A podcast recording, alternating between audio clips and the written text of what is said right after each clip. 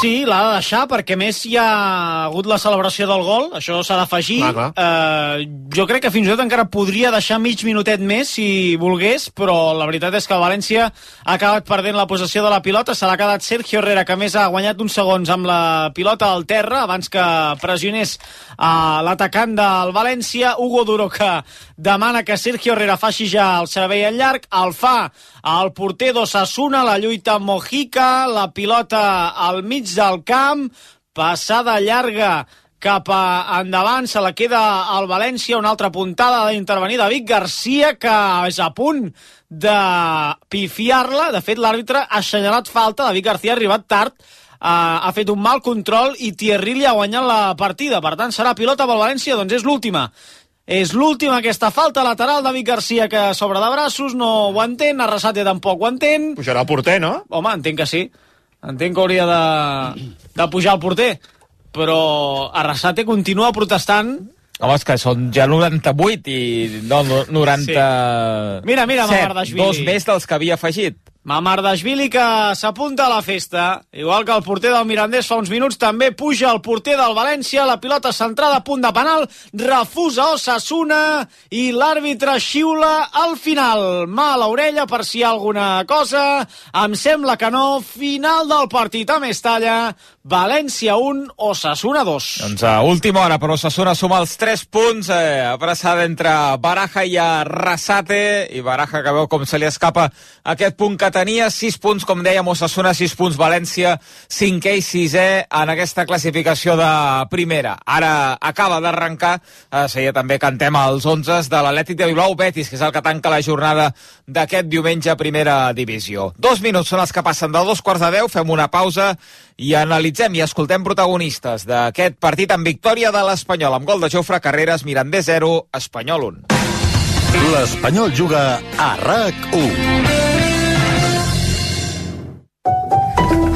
No és tan sols aconseguir podis, és superar-se en cada esclau. L'esport ens ensenya que tirar endavant no és tan sols guanyar, sinó aprendre a aixecar-se. Per això a CaixaBank estem amb l'esport, sempre. CaixaBank.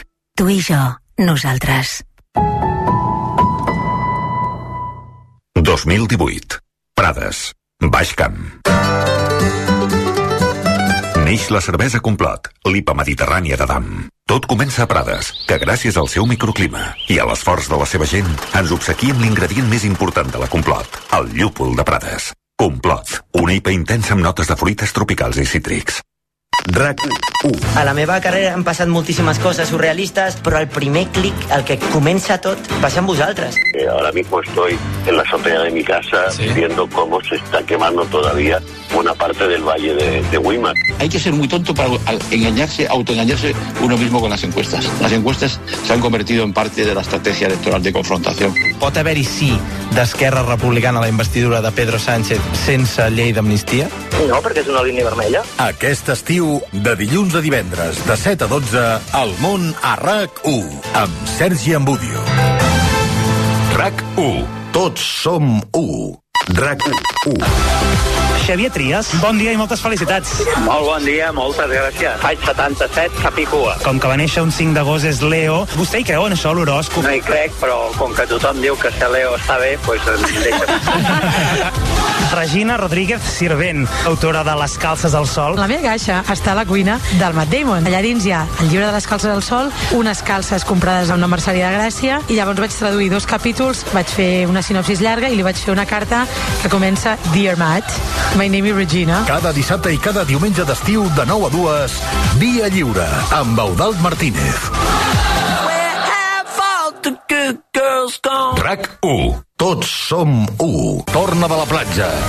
No és un ocell, no és un avió. És un xolopiscines, l'heroi que ningú necessita. Perdona, però això d'heroi potser són una mica pretensiós, no? Però que no treballes a l'estiu. Doncs sí, tens raó. Ara que ho dius, una mica, una mica heroi sí que sóc, eh? Cada vespre de 7 a 9 en Marc Bala té una nova missió. Obrir cada tarda els apartaments Hawaii. Només els millors transistors. RAC 1. Tots som 1. RAC 1. A veure, hi són totes? Va, que arrenquem, sergent Budio. Tu portes el mapa, eh? Sí, sí, jo faig de copilot. I també porto despertador per obrir el món. Però, Angelines, calia portar vuit maletes, dona. Claro que sí, Roca Mare. A més, no me les toqueu, eh? Qui té l'adreça als apartaments? Marc Mala, a l'Àrcia. Sí, sí, sí, sí, es diuen apartaments Hawaii. I els hem agafat en piscina. Jo us porto a sopar a un lloc nou que està molt bé i que es diu La Clandestina. Ole, ole, ole, ole, ole, mira, Ardèvol. Suposo que al cap de setmana farem alguna excursioneta, no? I a les nits, prepara't, Angelines, que tenim preparada una revolució sexual. Uh!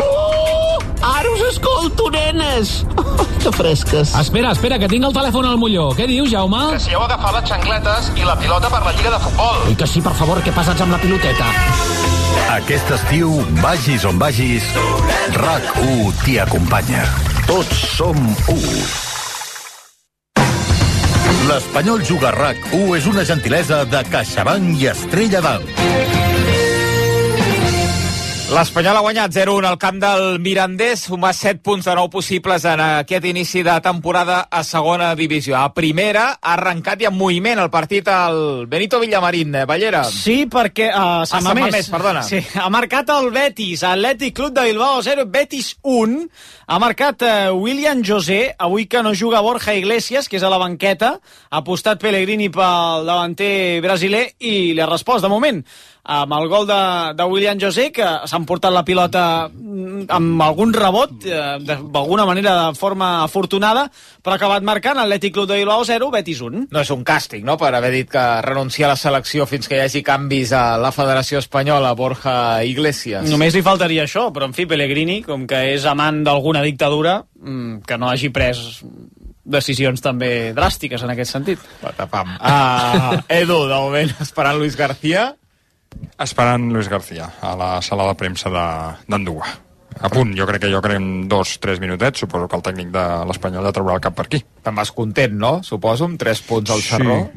Sí, sí, sí, sí, malgrat que és que jo crec que, eh, i ara li preguntarem també a Luis García, tinc ganes de saber la seva opinió, jo crec que l'Espanyol es trobarà, no, no parlo tant del rival o del plantejament, sinó que es trobarà amb aquest context de partit eh, moltes vegades aquesta temporada, a domicili, en què no jugarà bé, eh, tindrà només moments del partit, estones en què serà dominador, en què tampoc s'imposarà claríssimament el, el rival, i espero que la majoria acabin com aquest, en el sentit de que, bé, al final tens més qualitat individual que el rival i ho aprofites i sempre que això passi jo marxaré satisfet. Si l'Espanyol guanya a domicili encara que no hàgim, haguem vist la, la millor versió de, de l'equip em semblarà bé. I jo suposo que el tècnic va en, en la mateixa línia. Luis García és conscient que, no, que, que res no serà fàcil per l'Espanyol aquesta temporada. Ja fa 3 anys quan vas pujar vas ser campió.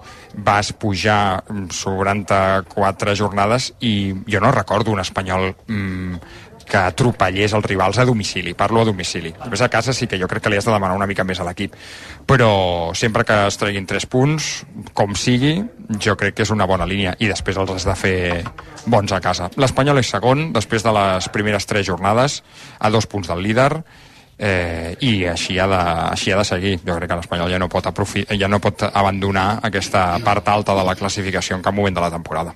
Espera, mira, treu el cap a Luis García, el tècnic de, del conjunt blanquiblau, acompanyat del cap de premsa del primer equip de Rafa Ramos, en aquesta sala de premsa que és humil. És, eh, aquesta sala de premsa és exactament el que defineix aquest club, el Mirandés. És una sala de premsa perquè us situeu d'uns, jo crec que no deu tenir més de 30 metres quadrats, és com un menjador, i amb eh, dues files de cadires eh, ja eh, tots preparats, tots que som vuit periodistes esperant que arrenqui la roda de premsa del tècnic de l'Espanyol després de la victòria 0-1 del seu equip amb gol de Xofre Carreras a Andúba. Bueno, buenas noches ya. Ah, comenzamos la rueda de prensa con nuestro entrenador, con Luis García. Por favor, pedir turno de palabra. Como siempre, en nombre y medio, por favor. Francés. Eh, buenas noches, eh, mister. Enhorabuena por la victoria. Francés Villa de la Grada. Eh, quería preguntarle, quería preguntarle, bueno, para subir a primera división hay que pasar por campos como este donde se sufre mucho, ¿no? No tengas duda, eh, pero no, no en este, sino en, en todos. Creo que es un, un muy buen equipo, un equipo que, que tiene muchísima gente joven, lo cual tiene muchísimo mérito. Su entrenador está muy bien trabajado, no es fácil defenderlos, tienen muchísima energía y nosotros hemos estado al, nivel del partido y hemos podido llevarnos tres puntos con una portería cero, lo cual hay que ensalzar y hay que darle el mérito que tiene porque cuando anteriormente no conseguíamos esa portería cero, también lo hablábamos y lo detectábamos, lo analizábamos y tratábamos de corregirlo. Mérito único y exclusivo de los, de los futbolistas. Eso le quería preguntar, al hilo de lo que dice, ¿le ha gustado más su equipo en defensa, en ataque? ¿Qué, qué es lo que destacaría un poco con lo que se lleva hoy? Bueno, me, llevo muchas cosas, cosas muy positivas, mucha personalidad del equipo en muchos momentos con balón ante un rival, como he dicho, joven, que acosa muy bien, que, que te trata de, de cerrar espacios interiores, que después llega afuera. Y, y la faceta defensiva creo que ha sido extraordinaria, creo que ha sido muy buena. Una generosidad de todos eh, brutal, eh, con unos saltos de presión incluso bastante largos, con esa salida de tres de ellos con el lateral. Te obligaba a hacer mucho esfuerzo, mucho recorrido. Eh, creo que hemos estado bien o muy bien y merecedores de, los tres puntos. Me llevo un partido completo, pero con, con margen de mejora. No hay, no hay que quedarse con esto. Uno siempre tiene que ser autocrítico cuando gana y cuando pierde, pero cuando gana todavía más. Gràcies, Francesc. Hola, míster. Edu de Batlle de Recut. Volia preguntar, dos dels canvis en l'11 avui han estat Omar i Jofre. Jofre ha fet el gol de la victòria. Omar, eh, vull demanar si estàs... Què t'ha semblat el seu partit? Que ha estat molt, molt complet. I preguntar-te per això, si també, si, si, si els nanos també han de ser una, una resposta davant de... Tu ahir parlaves d'estiu complicat, no? No, es así, es así. Eh, la cantera del español siempre se ha caracterizado por, por incorporar jugadores al primer equipo. Eh, tenemos una, una, cantera que debemos potenciar. Tenemos entrenadores muy buenos en la base. Tengo una gran relación con, con prácticamente pues, los, los de arriba, eh, Manolo, eh, Javi, Lopo. Sé que son entrenadores que trabajan muy muy bien y los chicos tienen que venir con esta ilusión, con estas ganas de ponerse nuestra camiseta. Eso es lo más importante, que tengan ilusión por vestir la camiseta del español, que la gente que llegue tenga ilusión por vestir la camiseta del español y a partir de ahí todo será mucho más, más sencillo. ¿no? Cuando el trabajo en la base es bueno, eh, ya lo he dicho más de una vez, yo no tengo ningún problema en poner a un jugador cuando esté preparado, pero no antes de que esté preparado porque entonces estaremos tirando piedras contra nuestro propio tejado. Gràcies, Lluís. Aquí Sergi Andreu, Catalunya Ràdio. Uh, ho deies una mica al principi, no? Ens haurem d'acostumar a la categoria a viure partits com aquests. És aquí, segurament, en, en camps així, en victòries així, on, on s'aconsegueix part del, del, del recorregut cap a primera, ¿no? Bueno, eh, ganar siempre es importante. Yo sí es cierto que creo que hemos merecido irnos con algún gol más, haber cerrado el partido antes, sobre todo al, al inicio hemos empezado muy bien otra vez y, y hemos dominado el, el partido, hemos dominado el juego. Eh, lo que pasa es que los resultados cortos siempre tienen ese, ese, punto de incertidumbre de que cualquier rebote, cualquier situación, cualquier centro que te pegue en la mano te deja un poco, un poco así, ¿no? Pero, pero me voy contento, me voy contento con el esfuerzo de todos, orgulloso de todos los futbolistas, absolutamente todos, porque los del banquillo estaban empujando todavía más de los que, los que estaban en el terreno de juego y eso es, eso es un equipo, un equipo comprometido, un equipo que sabe dónde está y que, y que tenemos las ideas claras para seguir adelante. I una segona, són tres partits de Lliga, són set punts de nou, la trajectòria almenys numèricament és, és bona de l'equip en aquest inici. Uh, no sé, tu en quin punt estàs? També és veritat que són dies especials perquè segurament marxarà algun jugador, n'arribarà algun altre. Uh, el recorregut de l'equip, la feina que has fet fins ara, et satisfà? Sí, yo creo que hay, hay una evolución del equipo, ya da un paso adelante también con balón, hemos hecho muchísimas cosas bien, hemos atacado con más pases, hemos estado organizados en, en las transiciones, hemos ganado duelos, creo que, ha sido un partido bastante completo, pero vuelvo a repetir, esto no, no vale con esto, tenemos que dar más, tenemos que todavía exigirnos más.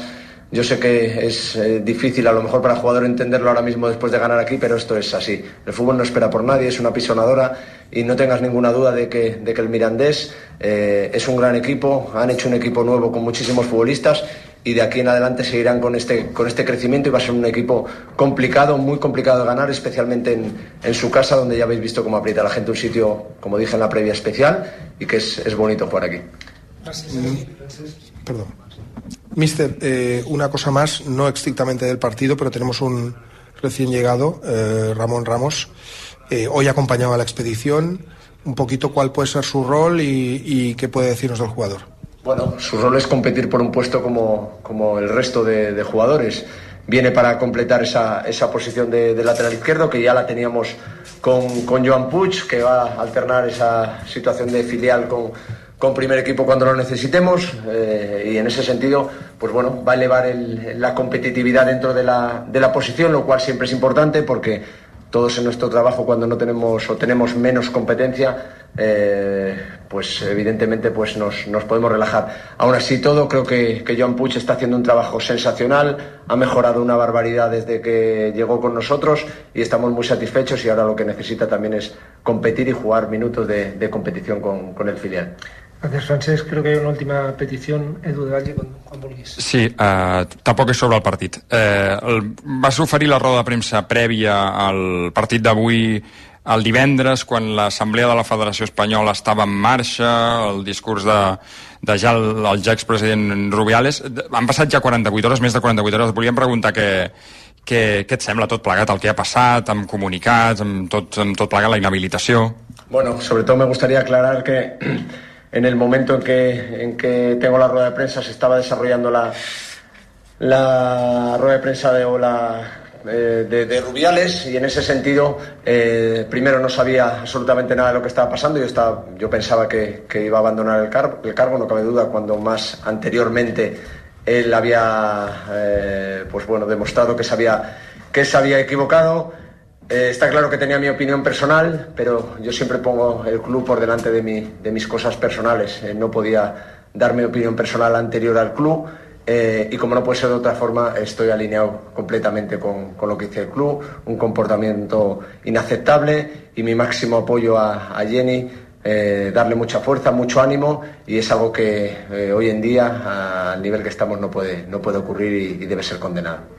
Eh, no es preguntes, per tant, tanquem aquí aquesta roda de premsa. Moltíssimes Doncs fins aquí la roda de premsa de eh, Luis García, que eh, ja ho he, ho ha explicat ell fa 48 hores el divendres, quan li van demanar opinió sobre el que estava passant a la Federació Espanyola, a la Fer Rubiales, Rubiales eh, Geni Hermoso, eh, no tenia tota la informació i que eh, al cap d'uns minuts va haver-hi el comunicat de l'Espanyol, que va ser el primer club eh, o dels primers clubs eh, de la Lliga de Futbol Professional que es va eh, que va demanar, que va mullar-se per demanar la, la, la dimissió, la marxa de, de Luis Rubiales eh, i, i el tècnic ha aclarit aquesta posició de, de fa 48 hores. Perfecte. Sortirà algun jugador a, a zona mixta o en la zona que habilitin aquí a Anduba per, per atendre els periodistes, Edu?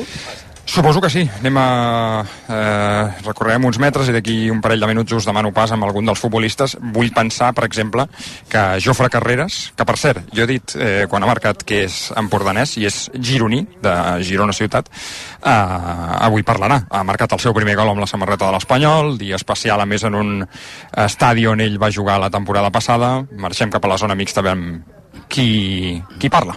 Fa autocar l'Espanyol, Edu, de tornada? Fa autocar de tornada, sí, sí, sí. Jo crec que arribaran... Eh, ara ara deixa'm-ho mirar perquè tinc, tinc dubtes de si fan una tirada cap a casa o si dormen a Saragossa i demà tornen amb tren. Però em fa l'efecte que eh, d'aquí a Saragossa hi ha un parell d'hores, jo crec que ja jo crec que ja tiraran, ara, ara us ho confirmo. Sí, sí, galetes i cafè i cap a, i cap a casa. I no? tant, tu. Ells no, ells, ells sí que poden fer una pizza on uh, potser passen per la corrala i els hi passen un pack, els hi preparen un pack doncs, doncs poca broma que no hagin encarregat a la corrala Sí. les pizzas de l'autocar de tornada. A veure si encara en trincaràs una. És a, és a treure Doncs el nas, a veure si trobes una, una pizza a la corrala. Et dic una cosa, si m'aconsegueixen una pizza a la Corrala, els hi faig una falca gratis a RAC1.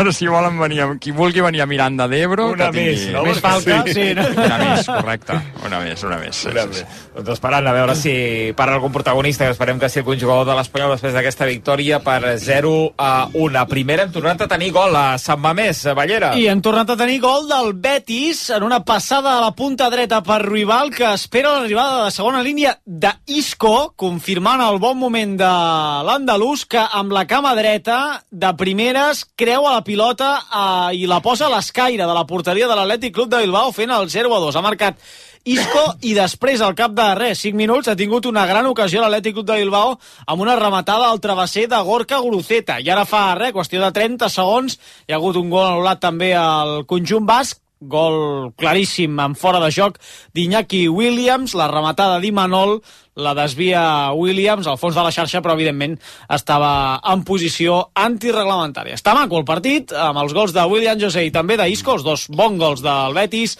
Atlètic Club d'Ilao 0, Betis 2, 18 de la primera. Ara diré una tonteria, però que no ho és tant, eh, perquè abans, abans ho deia el Joan de com n'és de complicat guanyar en aquesta segona, jo crec que se li ha de donar encara més valor que a primera les victòries a, a segona, i que si l'Espanyol és capaç d'encadenar eh, 3-4 victòries eh, seguides, t'instal·les allà i ja és molt, molt complicat que, que, que n'acabis sortint. És a dir, sumar 12 punts de 12, que jo crec que l'Espanyol és capaç de fer-ho a la segona divisió, ostres, ja, ja marca segur una, una diferència grossa amb el, amb el vuitè, amb el novè classificat. I sobretot per, per calmar les aigües i en un, en un entorn, el de l'Espanyol, que crec que eh, pot, pot ser molt massa exigent fins i tot, no? És a dir, no entendre, eh, no vull culpar ningú, eh, ni molt menys, però no entendre com funciona aquesta categoria, que gairebé tots els equips, per no dir tots, passen per uh, males dinàmiques.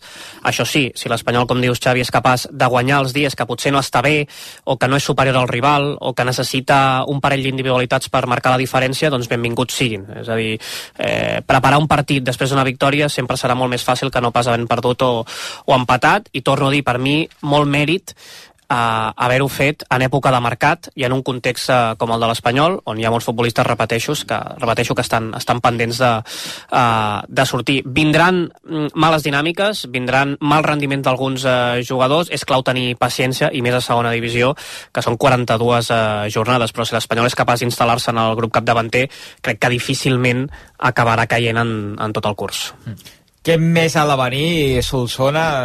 Vaja, clar, tenim l'asterís de veurem qui acaba marxant, no? Uh, però benvingut de moment Salvi, Ramon Ramos, eh, eh, Pere Milla, no me'n deixo cap, no? Són aquests eh, tres, diríem, de nous, a banda dels que, dels que han tornat, com eh, Pol Lozano. Què més eh, hauria de venir abans que es tanqui divendres a la mitjanit al mercat? Jo fitxaria un delanter, un atacant. Un, golej, un home gol. Sí, ja sabem que a aquestes alçades de, de mercat trobar un home gol que sigui barat i que pugui venir, que vulgui venir, això és molt complicat, no? Però independentment eh, de si se'n va Braithwaite o no, si se'n va amb més motiu, és veritat que queda Puado, però amb 42 partits i, eh, i hem vist avui Pere Milla no és l'atacant que ho pot fer, sí, però mentre ha estat jugant amb aquesta posició, que és molt complicada, doncs Pere Milla no ha estat bé. Ha estat molt millor en el moment que ha passat a la seva demarcació de, de, que, que li és habitual, que és a banda esquerra, que després pot fer diagonals i anar cap a dins. Ahir intervé bastant més. Perquè, Però... perdona, uh, Dimatà vol marxar, uh, Joan? Sí. Val, perquè no, seria un perfil jo crec que, que li trauries el teu rendiment a segona d'Imatà. És un perfil necessari que gairebé tots els equips eh, tenen i que necessitaràs durant la, durant la temporada. Ara, ell està obsessionat en marxar. Per tant, a partir d'aquí, eh, l'Espanyol espera que presenti propostes perquè encara no n'ha no presentat. Jo crec que vol marxar perquè veu que aquí tampoc té moltes possibilitats de, de jugar, de ser titular, i, i més si veu que té a Braithwaite davant i a la millor veu a Puado per això vol marxar, però si no és així, doncs és un jugador que en moments eh, puntuals i determinats doncs pot, eh, pot fer la seva feina, sí. Clar, aleshores ja m'hauria de pensar si hem d'anar a buscar un altre atacant, tenint a Braithwaite, a Dimatà i Puado. Ja, ja, ja tens cobert. Però com a alternativa, Pere Milla no, eh, no, no el veig en aquesta posició. I avui ha sigut un, ho hem vist perfectament. És veritat que quan jugues de referència tens els dos centrals molt a prop, si no et mous d'aquella zona sempre un dels centrals t'apreta i no et deixa moure amb la comoditat que, que a tu t'agradaria, ha de fugir d'aquella zona, ha, hauria d'entrar un de segona línia per, per ocupar-la, bueno, són moviments que, que s'haurien de fer, no? Però és millor que hi hagi algun atacant que et pugui assegurar, no sé si Braithwaite es queda anant una mica regular, 10, 12, 14 gols te'ls pot marcar. La, la, la temporada passada en va marcar 10, doncs mm, jo m'imagino que 14 o 15 gols es pot marcar. Ah, que Garça el vam veure tranquil aquesta setmana, Joan, que, que tot anava segons el previst, que ningú es posés eh, nerviós, que, que el mercat té els seus temps i que, i que al final acabaria arribant el que necessitava l'equip. Jo crec que deu ser l'única persona tranquil·la ara mateix a, a l'Espanyol i, i a l'entorn. També tinc la sensació que ell, una cosa és el que diu en públic i l'altra el que sent en privat. No crec que ho hagi volgut portar absolutament tot a l'última setmana, però vaja, eh, el que té molt clar l'Espanyol és que encara que hi hagi jugadors que volen marxar, César Montes, que s'ha negat a jugar i encara no ha signat la fitxa, per tant no està inscrit i per tant no pot jugar, Braithwaite, que també vol marxar, eh, Dimatà, que també vol marxar, mm, ha d'arribar una oferta molt bona aviat perquè l'Espanyol la valori, perquè si arriba a les últimes hores l'Espanyol no tindrà temps per buscar un substitut i aleshores allà pot ser que els hi digui als futbolistes que no, que no marxen. Estaran emprenyats durant unes setmanes, però, però després hauran de competir. A veure, zo- zona mixta d'Anduba amb eh, l'home de la nit, amb eh, l'autor de l'únic gol del partit, amb eh, Jofre Carreras, que ha marcat el 0 a 1. oficial, amb un estadi que coneixes bé, i l'alegria se t'ha vist al rostre, no?, al moment d'aconseguir el gol. Sí, bona nit. Eh, sí, la veritat és que, com tu dius, molt feliç. És el meu primer gol, sempre és especial, i més si és el camp que, que va ser la meva casa l'any passat. I, bueno, la veritat que molt content, però sobretot pels tres punts i per la victòria de l'equip. Jofre, com et sents dins l'equip? Perquè la sensació és que vas agafant mica a mica protagonista i que pot ser una temporada interessant per tu dins de l'Espanyol, no? Bueno, jo em sento molt còmode, la veritat. Eh, els companys sempre em fan tot més fàcil, òbviament. Eh, la veritat és que mo molt còmode, cada dia més, i, bueno, intentant millorar i ajudar l'equip. Coneixes bé la categoria, Jofre. Hi haurà molts partits així, no? De mastegar sorra i de treure els tres punts endavant com es pugui. Bueno, eh, sí, la, la veritat és que fora de casa sempre, sempre costa més, els equips a casa seva sempre són més forts, eh, però bueno, eh, l'important és que hem tret els set punts, que l'equip va creixent a poc a poc i que, i que anem millorant dia a dia. Què et diu el míster? Quina consigna et dona en aquests últims partits? No, bueno, que sigui profund, que, que doni amplitud a l'equip i, que, i que intenti aportar des de, des de l'1 contra 1 i, i això, que ajudi l'equip. Escolta, Jofre, què t'ha passat pel cap en el moment de, del gol? Què, què és, és el primer que has pensat, davant de l'alegria òbvia? Eh, bueno, en el meu pare sempre, sempre bueno, des, de que, des de que no està sempre penso en ell i bueno, eh, tots els èxits i, tot, i totes les victòries que, que tinc doncs van cap a ell. Jofre, el paper del planter. El- Avui l'Omar titular, tu titular i aprofitant l'oportunitat, el míster ha dit que al final sou una resposta als nanos que, que veniu de baix o que ja us heu consolidat al primer equip aquesta temporada. És, eh, és, això és espanyol, no, al final?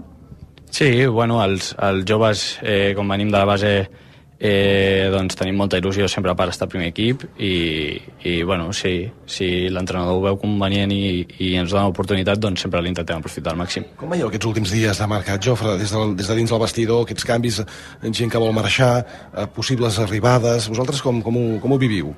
Bueno, amb normalitat sabem que, que el mercat encara no ha acabat, eh, nosaltres tampoc ens, dins del vestuari estem enfocats en aconseguir l'objectiu i, i això. Gràcies. Gràcies, Jofre. A vosaltres. Doncs eh, marxa el futbolista gironí de, de l'Espanyol, eh, l'autocar que fa via directa cap a, fins, a, fins a Barcelona, eh? fins a, bé, fins a l'estadi, fins a Cornellà del Prat, on tenen els vehicles els jugadors, per tant ara tenen una bona tirada, més de 5 horetes amb l'autocar per arribar ja a la matinada i començar a preparar el pròxim partit, que és diumenge que ve a casa amb, amb la Morevieta. Has vist pizzas a dins o no? No, no he vist pizzas. No, no, no. Em sembla que no hi ha comanda a la corrala, eh? Em sembla que no. A veure, haurem de fer galetes, que ja les he comprat, s'ha de dir, sóc un tio previsor, just abans d'arribar hi havia una benzinera aquí a... Ah, però ara a les 10 encara No? podries anar a la corrala, et farien Sí, una pizza per emportar. Sí, però perdo, perdo una hora eh, d'arribar a casa, Xavi. És que ja... Sortint ara, bueno, ara, quan s'acabi la feina, d'aquí a mitja hora, ja arribo tard, imagina't, és que arribo a l'hora d'embudió, eh? és que no, no, no, no, no, em- no em paga la pizza. A més, hi ha un altre risc, que és eh, panxa plena, conduir de nit, no. Prefereixo fer una cosa lleugereta, un, regar-ho regar amb un bon cafetó sol, i d'aquells carregadets i cap a casa escoltant el Superesports i el Tu diràs tu. I arribes a les 5 del matí tranquil·lament. A la pròxima, si vols, estàs convidat, Solsona. Eh, Jo a València, eh? A aquestes hores ja estic... A València? A València. A les 9 de la nit, d'aquí 15 no? dies. Un divendres, sí. Divendres a les 9. RAC més 1. Ja pots Eh. fer el cap de setmana sencer, et quedes allà i ja Que Solsona. després anem a sopar per València. Calculo, calculo que et deixaríem a casa a quarts de cinc de la nit, tu. De dilluns, eh?